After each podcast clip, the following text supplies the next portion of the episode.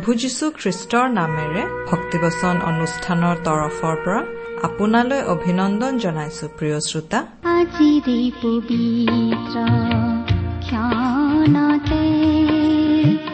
উজলি উঠা খ্ৰীষ্টৰ জ্যোতি।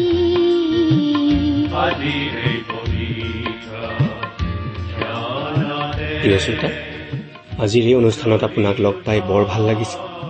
আশা কৰোঁ আপুনি ভালে কুশলে আছে। ভক্তিবচন অনুষ্ঠানত প্ৰচাৰ হোৱা ঈশ্বৰৰ বাক্যসমূহে আপোনাক কেনেদৰে সহায় কৰিছে জানিবলৈ আমাৰ বৰ মন যায়। কেতিয়াবা দুষাৰিমান আমালৈ লিখি পঠিয়াবচোন। আমাৰ ঠিকনাতে অনুষ্ঠানটিৰ শেষত কোৱা হ'ব। আপুনি কলম আৰু কাগজ সাজু কৰি থব। ঈশ্বৰৰ যি দয়া কৰোণা আমি পাইছো তাকেই এই অনুষ্ঠানৰ যোগেৰে জনাবলৈ পাই আমি অতি আনন্দিত। আপোনাৰ পৰাও জানিবলৈ পালে আমি বৰ বেছি উৎসাহিত হওঁ। কিয়নো ঈশ্বৰে আমাক সকলোৰে যত্ন লয় আপোনাৰো যত্ন লৈ আছে। নিশ্চয় আপোনাকো অনেক আশীৰ্বাদ কৰি আছে। দুখ কষ্টত পৰিলে তেওঁ উদ্ধাৰ কৰিছে। বেজাৰৰ সময়ত তেওঁ আহি সান্তনা দিছে। হয়তো ৰোগত পৰোতে সুস্থতা দিছে। তেওঁ সদায় আপোনাৰ বিভিন্ন পৰিস্থিতিত যত্ন লৈ আছে। তেওঁ আচৰিত মৰমীয়াল ঈশ্বৰ। তেওঁৰ মৰমবোৰ আশীৰ্বাদবোৰ স্বীকাৰ কৰিলে সোঁৱৰণ কৰিলে সেইবোৰ দুগুণে বাঢ়ে।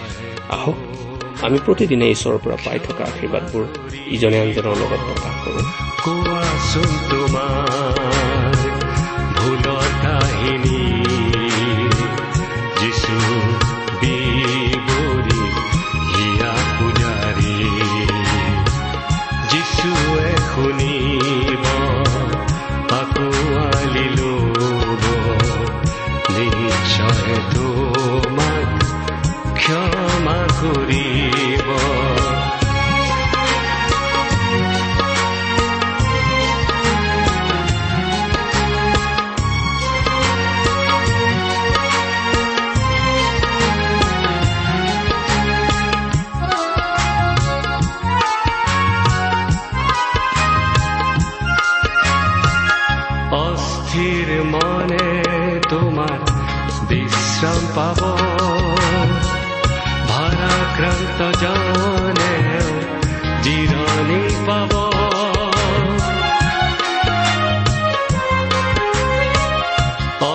অস্থিৰ মনে তোমাৰ বিশ্ৰাম পাব।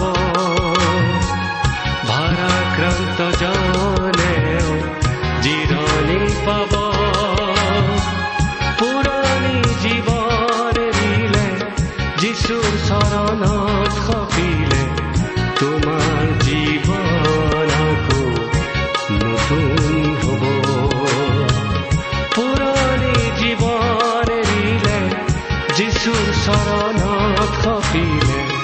তোমাৰ জীৱন আকৌ নতুন হ'ব।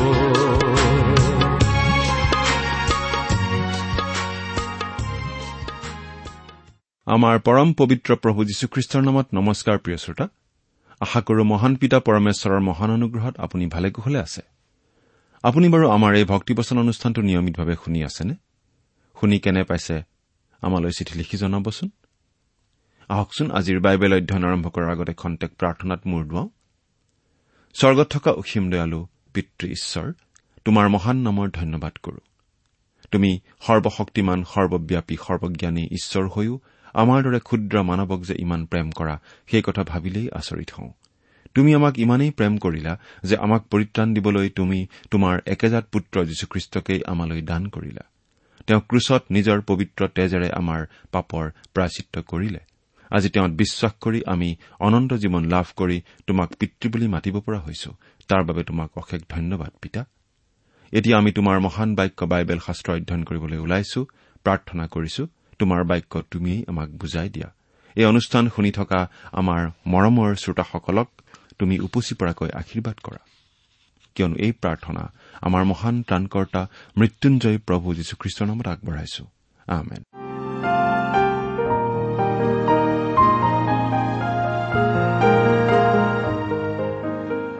প্ৰিয় শ্ৰোতা আপুনি বাৰু আমাৰ আগৰ অনুষ্ঠানটো শুনিছিল নে আমি বাৰু কি আলোচনা কৰিছিলো আপোনাৰ মনত আছেনে? আপুনি যদিহে আমাৰ এই অনুষ্ঠানটো নিয়মিতভাৱে শুনি আছে তেনেহলে আপুনি নিশ্চয় জানে যে আমি এতিয়া বাইবেলৰ পুৰণি নিয়ম খণ্ডৰ জিৰিমিয়া ভাৱবাদীৰ পুস্তক নামৰ পুস্তকখন অধ্যয়ন কৰি আছো। নহয়নে বাৰু? যোৱা অনুষ্ঠানত আমি এই জিৰিমীয়া ভাওবাদীৰ পুস্তকখনৰ ঊনত্ৰিশ আৰু ত্ৰিশ নম্বৰ অধ্যায়ৰ আলোচনা আগবঢ়াইছিলো। গতিকে আজিৰ অনুষ্ঠানত আমি এই পুস্তকখনৰ একত্ৰিশ নম্বৰ অধ্যায়ৰ এক নম্বৰ পদৰ পৰাই আমাৰ আলোচনা আৰম্ভ কৰিব খুজিছো। এই অনুষ্ঠানটো যিহেতু বাইবেল অধ্যয়নৰ অনুষ্ঠান গতিকে অনুষ্ঠানটো শুনিবৰ সময়ত লগত বাইবেলখন লৈ ল'লে ভাল হয়। আপুনি বাৰু লগত বাইবেলখন মেলি লৈছেনে? এই জিৰিমীয়া ভাওবাদীৰ পুস্তকখন ভাৱবাণীমূলক পুস্তক। ভৱিষ্যতে ঘটিবলগীয়া কিছুমান কথা জিৰিমীয়া ভাওবাদীৰ যোগেদি ঈশ্বৰে ইছৰাইলীয়া লোকসকলক জনাই আছিল। ইছৰাইলৰ লোকসকলৰ দুখন ৰাজ্য। উত্তৰৰ ৰাজ্যখন ইছৰাইল দক্ষিণৰখন জিহুদা। উত্তৰৰ ৰাজ্য অৰ্থাৎ ইছৰাইলৰ লোকসকলক ইতিমধ্যে শত্ৰুৱে পৰাস্ত কৰি বন্দী কৰি নিছিল। তেওঁলোকে ঈশ্বৰৰ প্ৰতি অবাধ্য আচৰণ কৰি থকা কাৰণেই তেওঁলোকলৈ ঈশ্বৰৰ পৰা তেনেদৰে শাস্তি আহিছিল। জিহুদাৰ লোকসকলকো ঈশ্বৰে সাৱধান কৰি দি আছে। তেওঁলোকে যাতে মন্দতা এৰি ঈশ্বৰলৈ ঘূৰে। তেওঁলোকৰো একেই অৱস্থা হ'ব বুলি জনাই থকা হৈছে। আৰু আচলতে তেওঁলোকৰো একেই অৱস্থা হৈছিল। নবুখত নেচৰ ৰজাৰ যোগেদি তেওঁলোকলৈ ঈশ্বৰৰ শাস্তি আহিছিল। নবুখত নেচৰ ৰজাই যীহুদাৰ লোকবিলাকক বন্দী কৰি লৈ গৈছিল। নবুখত নেচৰ ৰজাই জিৰচালেম নগৰো ধবংস কৰিছিল। কিন্তু ঈশ্বৰে জিৰিমিয়াৰ যোগেদি ভৱিষ্যতে আহিবলগীয়া সুদিনৰ কথা তেওঁলোকৰ আগত জনাই আছে। এনেকুৱা ধৰণৰ ভাৱবাণীবোৰেই আমি এই পুস্তকত পাওঁ। এই জিৰিমিয়া পুস্তকৰ একত্ৰিশ নম্বৰ অধ্যায়টো মই কৰিম বোলা অধ্যায় বুলিব পাৰি। কাৰণ এই অধ্যায়টোত মই কৰিম মই কৰিম বুলি পোন্ধৰবাৰ কোৱা হৈছে। যিজনে এনেদৰে মই কৰিম মই কৰিম বুলি কৈছে তেওঁ হৈছে স্বয়ং ঈশ্বৰ। স্বয়ং ঈশ্বৰে যেতিয়া পোন্ধৰবাৰ কৰিম কৰিম বুলি কৈছে। তাৰমানে তেওঁ যে নিশ্চয়কৈ কৰিব তাৰেই নিশ্চয়তা তেওঁ জনাইছে। তেওঁ কৈছে যে তেওঁ সকলো ইছৰাইল পৰিয়ালৰেই ঈশ্বৰ হ'ব। এই ভাৱবাণী কিন্তু এতিয়ালৈকে সিদ্ধ হোৱা নাই।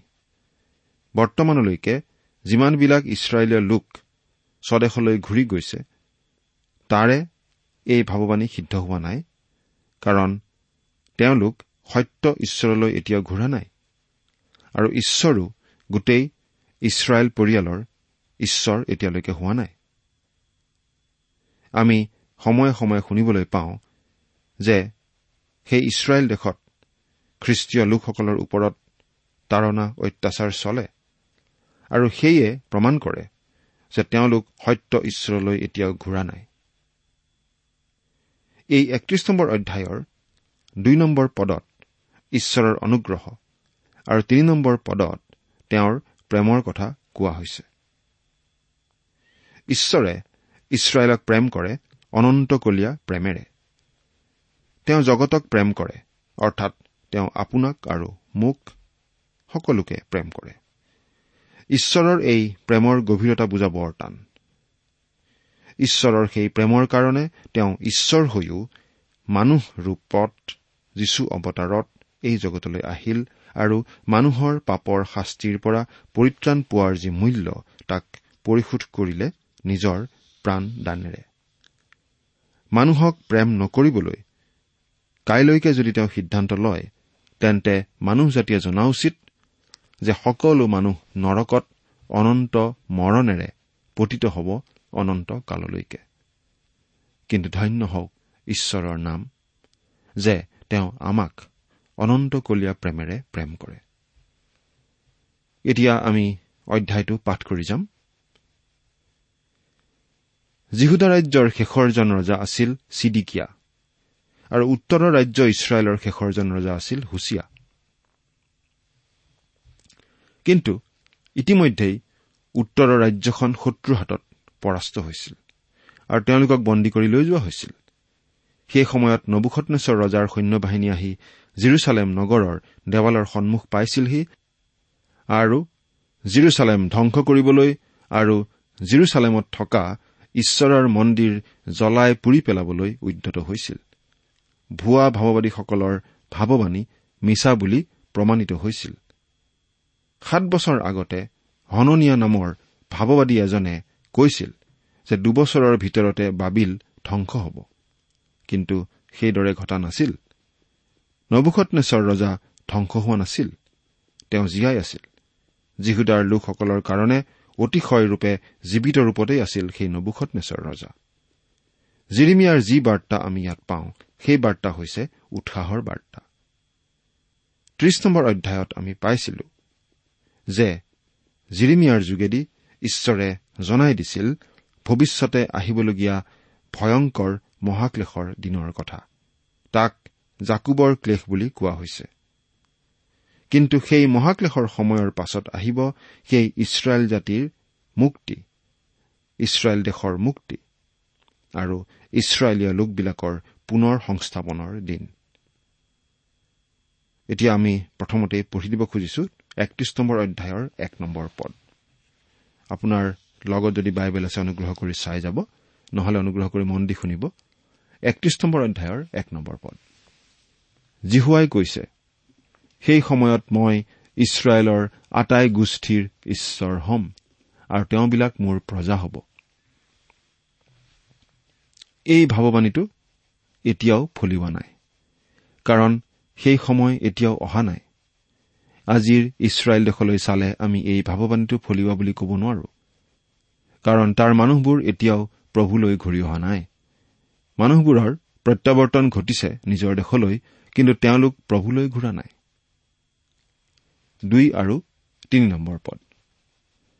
জিহুৱাই এই কথা কৈছে মই ইছৰাইলক বিশ্ৰাম দিবলৈ গমন কৰা কালত তৰোৱালৰ পৰা ৰক্ষা পোৱা জাতি ইছৰাইলে অৰণ্যত কৃপা পালে।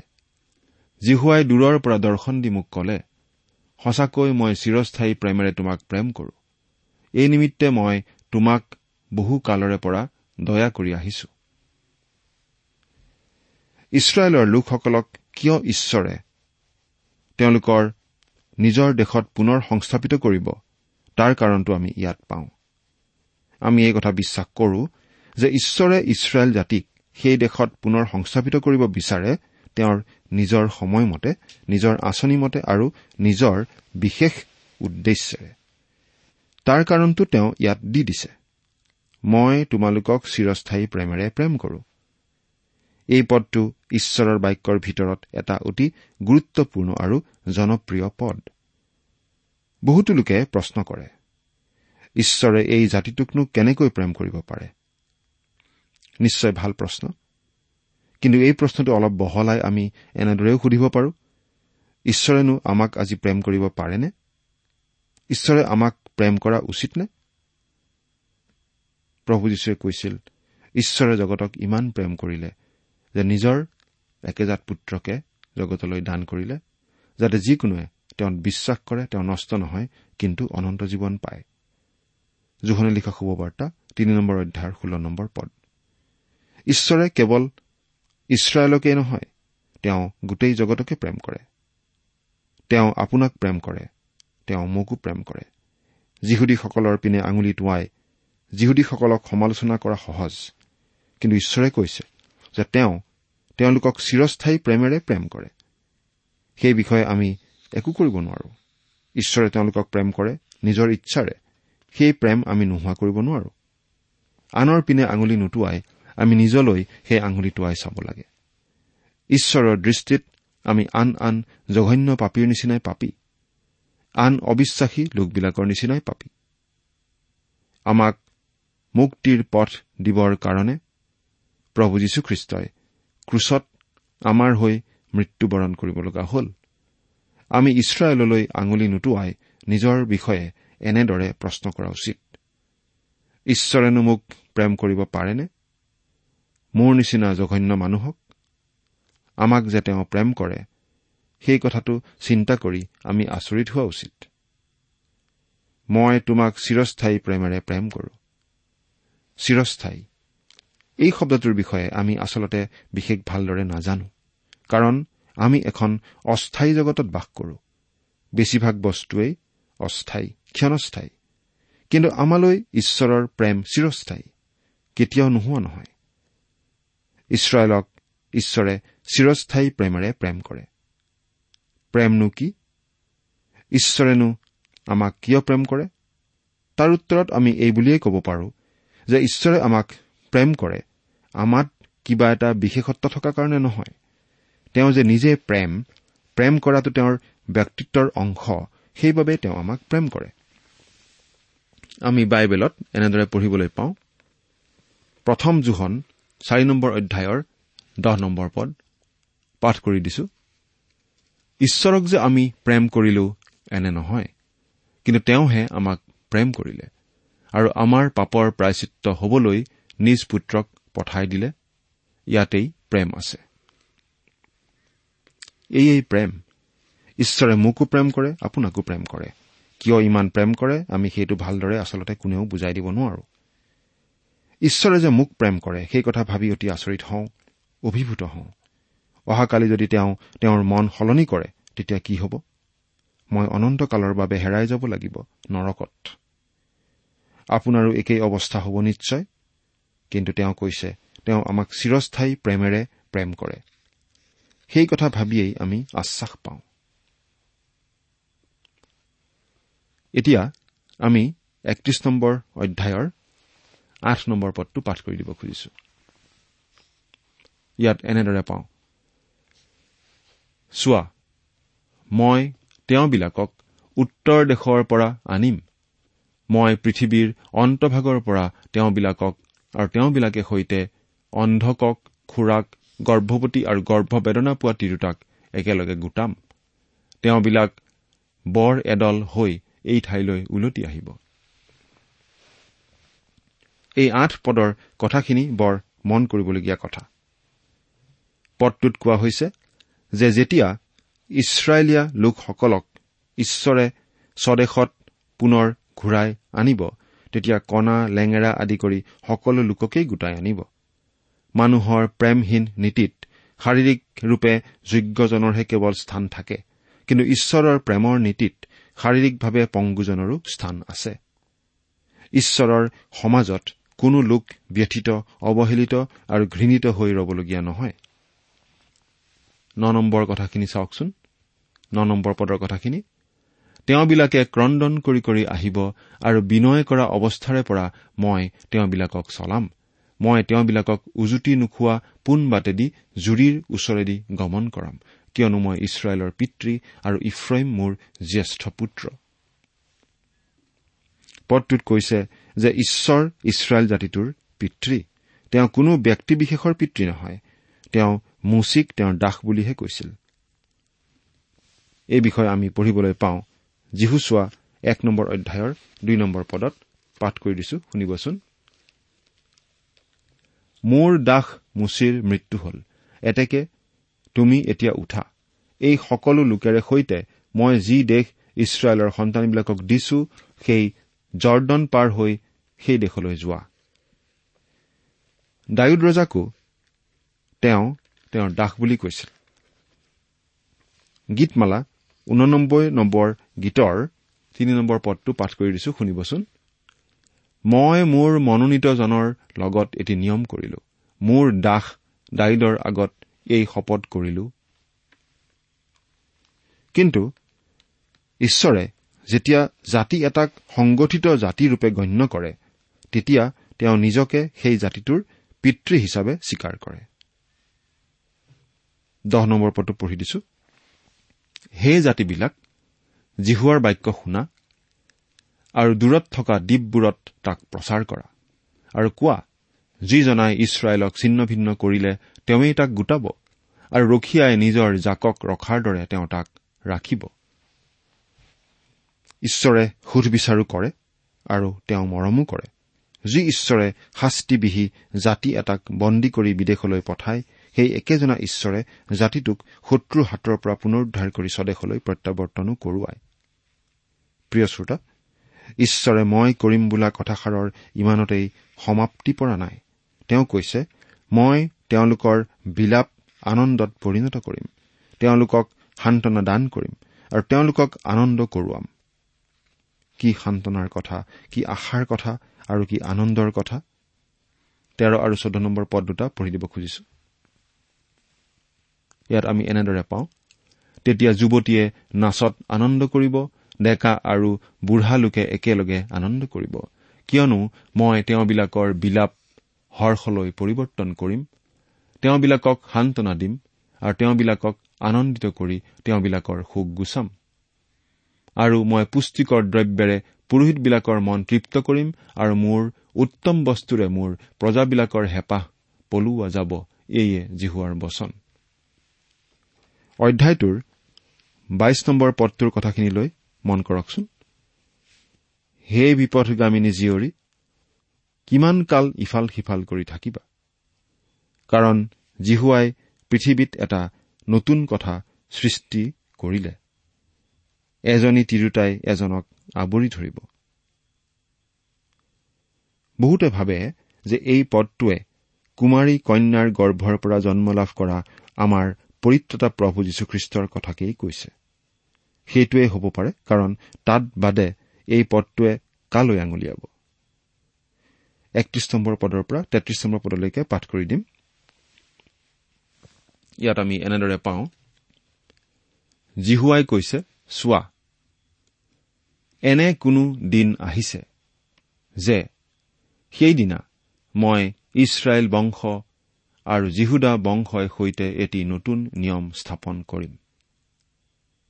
জিহুৱাই কৈছে মই তেওঁবিলাকৰ স্বামী থকাটো মোৰ যি নিয়মটি তেওঁলোকে ভাঙিছিল মিছৰ দেশৰ পৰা উলিয়াই আনিবলৈ তেওঁবিলাকৰ পূৰ্বপুৰুষবিলাকৰ হাত ধৰিবৰ দিনা তেওঁবিলাকে সৈতে কৰা সেই নিয়মটি অনুসাৰে নহয়।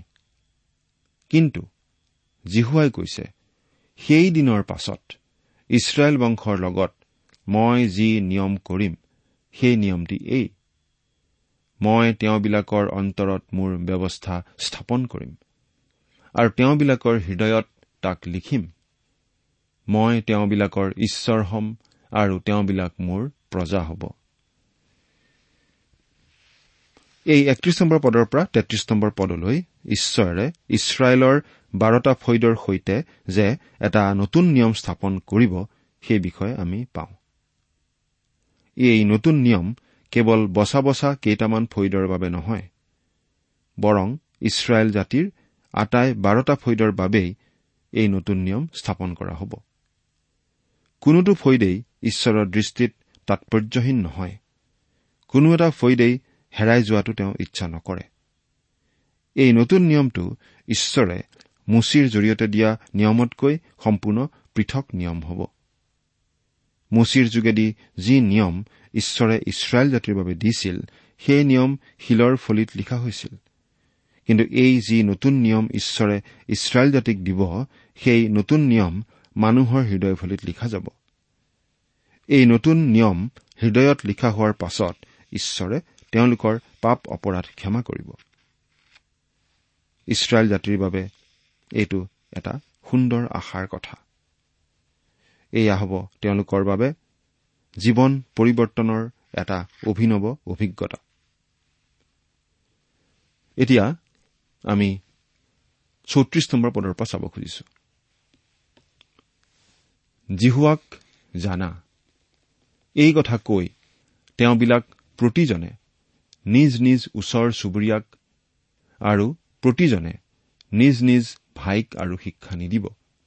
কাৰণ জিহুৱাই কৈছে বৰৰ পৰা সৰুলৈকে সকলোৱে মোক জানিব। কিয়নো মই তেওঁবিলাকৰ অপৰাধ ক্ষমা কৰিম আৰু তেওঁবিলাকৰ পাপ মই আৰু নুসুঁৱৰিম। তেওঁলোকৰ পাপ ক্ষমা কৰা হ'ব। পাপৰ ক্ষমা লাভ কৰাৰ সমান আনন্দকৰ অভিজ্ঞতা আৰু একো থাকিব নোৱাৰে। সেই সুবিধা কিন্তু আজিয়েই আমি লাভ কৰিব পাৰো। আজিয়েই আমি আমাৰ পাপৰ ক্ষমা লাভ কৰিব পাৰো। প্ৰভু যীশুখ্ৰীষ্টত বিশ্বাস কৰি আমি আমাৰ সকলো পাপৰ ক্ষমা লাভ কৰিব পাৰো। কাৰণ তেওঁ আমাৰ সকলো পাপৰ শাস্তি গ্ৰহণ কৰিলে ক্ৰুচৰ ওপৰত। গতিকে তেওঁত বিশ্বাস কৰি আমি আমাৰ সকলো পাপৰ ক্ষমা লাভ কৰি ঈশ্বৰৰ দৃষ্টিত ধাৰ্মিক বুলি পৰিগণিত হ'ব পাৰো। ঈশ্বৰে ইছৰাইলৰ লগত থকা চুক্তিৰ কথা আকৌ দোহাৰিছে। পঁয়ত্ৰিশ নম্বৰ পদৰ পৰা ছত্ৰিশ নম্বৰ পদলৈকে পঢ়ি দিছো শুনিবচোন। যিজনাই দিনৰ পোহৰৰ নিমিত্তে সূৰ্য আৰু ৰাতিৰ পোহৰৰ নিমিত্তে চন্দ্ৰ আৰু তৰাবোৰৰ নিয়ম স্থাপন কৰে যিজনাই সাগৰৰ ঢৌৱে গৰ্জন কৰাকৈ সমুদ্ৰক আস্ফালন কৰায় বাহিনীবিলাকৰ জিহুৱা নামেৰে প্ৰখ্যাত হোৱা সেই জিহুৱাই এইদৰে কৈছে। জিহুৱাই কৈছে যদি এই নিয়মবোৰ মোৰ আগৰ পৰা গুচে তেন্তে ইছৰাইল বংশও চিৰকালৰ নিমিত্তে মোৰ আগত এক জাতি হোৱাৰ পৰা স্থগিত হ'ব। একেলগে সাতত্ৰিশ পদটো পঢ়ি দিছো। জিহুৱাই এই কথা কৈছে যদি ওপৰত আকাশমণ্ডলক জুখিব পাৰি আৰু তলত পৃথিৱীৰ মূলবোৰ অনুসন্ধান কৰিব পাৰি তেনেহলে ইছৰাইলে কৰা সকলো কৰ্মৰ বিষয়ে ময়ো গোটেই ইছৰাইল বংশক দূৰ কৰিম এইয়ে জিহুৱাৰ বচন। প্ৰিয় শ্ৰোতা ঈশ্বৰে ইছৰাইল জাতিৰ বিষয়ে যি চুক্তি কৰিব বুলি কৈছে সেই চুক্তি কেতিয়াও সলনি নহয় আৰু কোনেও নোহোৱা কৰিব নোৱাৰে। যেনেকৈ আমি জোন বাইৰ ৰংটো সলনি কৰিব নোৱাৰো নাইবা ইয়াক আকাশৰ পৰা আঁতৰাই পেলাব নোৱাৰো ঠিক একেদৰে ঈশ্বৰে ইছৰাইলৰ সৈতে কৰা চুক্তিও আমি সলনি কৰিব নোৱাৰো। ভৱিষ্যতে ইছৰাইল জাতিলৈ সেই শুভদিন আহি আছে। যদিও সাময়িকভাৱে তেওঁলোকে কষ্ট ভোগ কৰি আছিল কিন্তু ভৱিষ্যতৰ সেই আশা ঈশ্বৰে তেওঁলোকক জনাই দিছে। প্ৰিয় শ্ৰোতা প্ৰভু যীশুত আমাৰ বাবে যি ভৱিষ্যতৰ আশা সেই আশাৰ বিষয়ে আপুনি বাৰু চিন্তা কৰি চাইছেনে? ঈশ্বৰে আপোনাক আশীৰ্বাদ কৰক।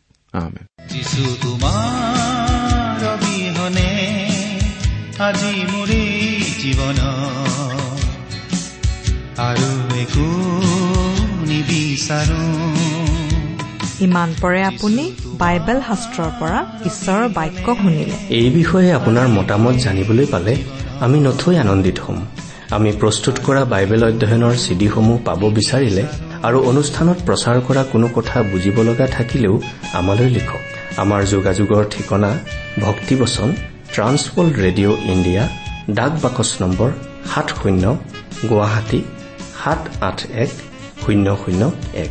ঠিকনাটো আকৌ এবাৰ কৈছো ভক্তিবচন ট্ৰান্সৱৰ্ল্ড ৰেডিঅ' ইণ্ডিয়া ডাক বাকচ নম্বৰ সাত শূন্য গুৱাহাটী সাত আঠ এক শূন্য শূন্য এক। আমাৰ ইমেইল এড্ৰেছটো হৈছে Assamese T TV at the rate radio' eight eight two dot com. আমাৰ website W W W dot T W R dot in. আপুনি টেলিফোনৰ মাধ্যমেৰেও আমাক যোগাযোগ কৰিব পাৰে। আমাৰ টেলিফোন নম্বৰটো হৈছে nine eight five four zero' four zero' eight eight nine. Phone নম্বৰটো আকৌ এবাৰ কৈছো ন আঠ পাঁচ চাৰি শূন্য চাৰি শূন্য আঠ আঠ ন। আপুনি এই ভক্তিবচন অনুষ্ঠানটি আমাৰ website W W W dot radio' eight eight two dot কমতো শুনিব পাৰিব। আজিৰ অনুষ্ঠানটি ইমানতেই সামৰিছো। ঈশ্বৰৰ শান্তি আৰু অনুগ্ৰহ আপোনাৰ লগত থাকক। ধন্যবাদ।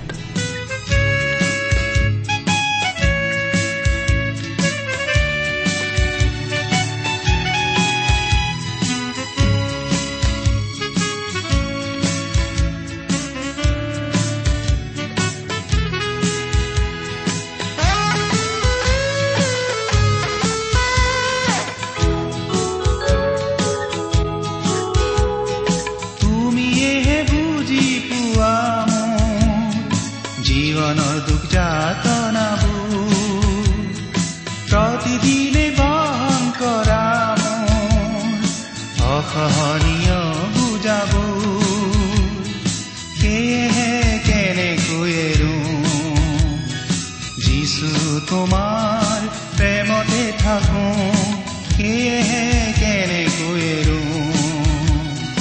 যিছু তোমাৰ প্ৰেমতে থাকো যিছু তোমাৰ অবিহনে আজি মোৰে জীৱন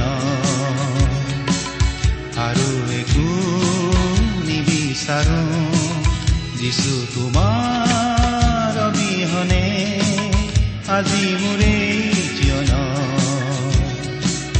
আৰু একো নিবিচাৰো আৰু একো নিবিচাৰো আৰু একো নিবিচাৰো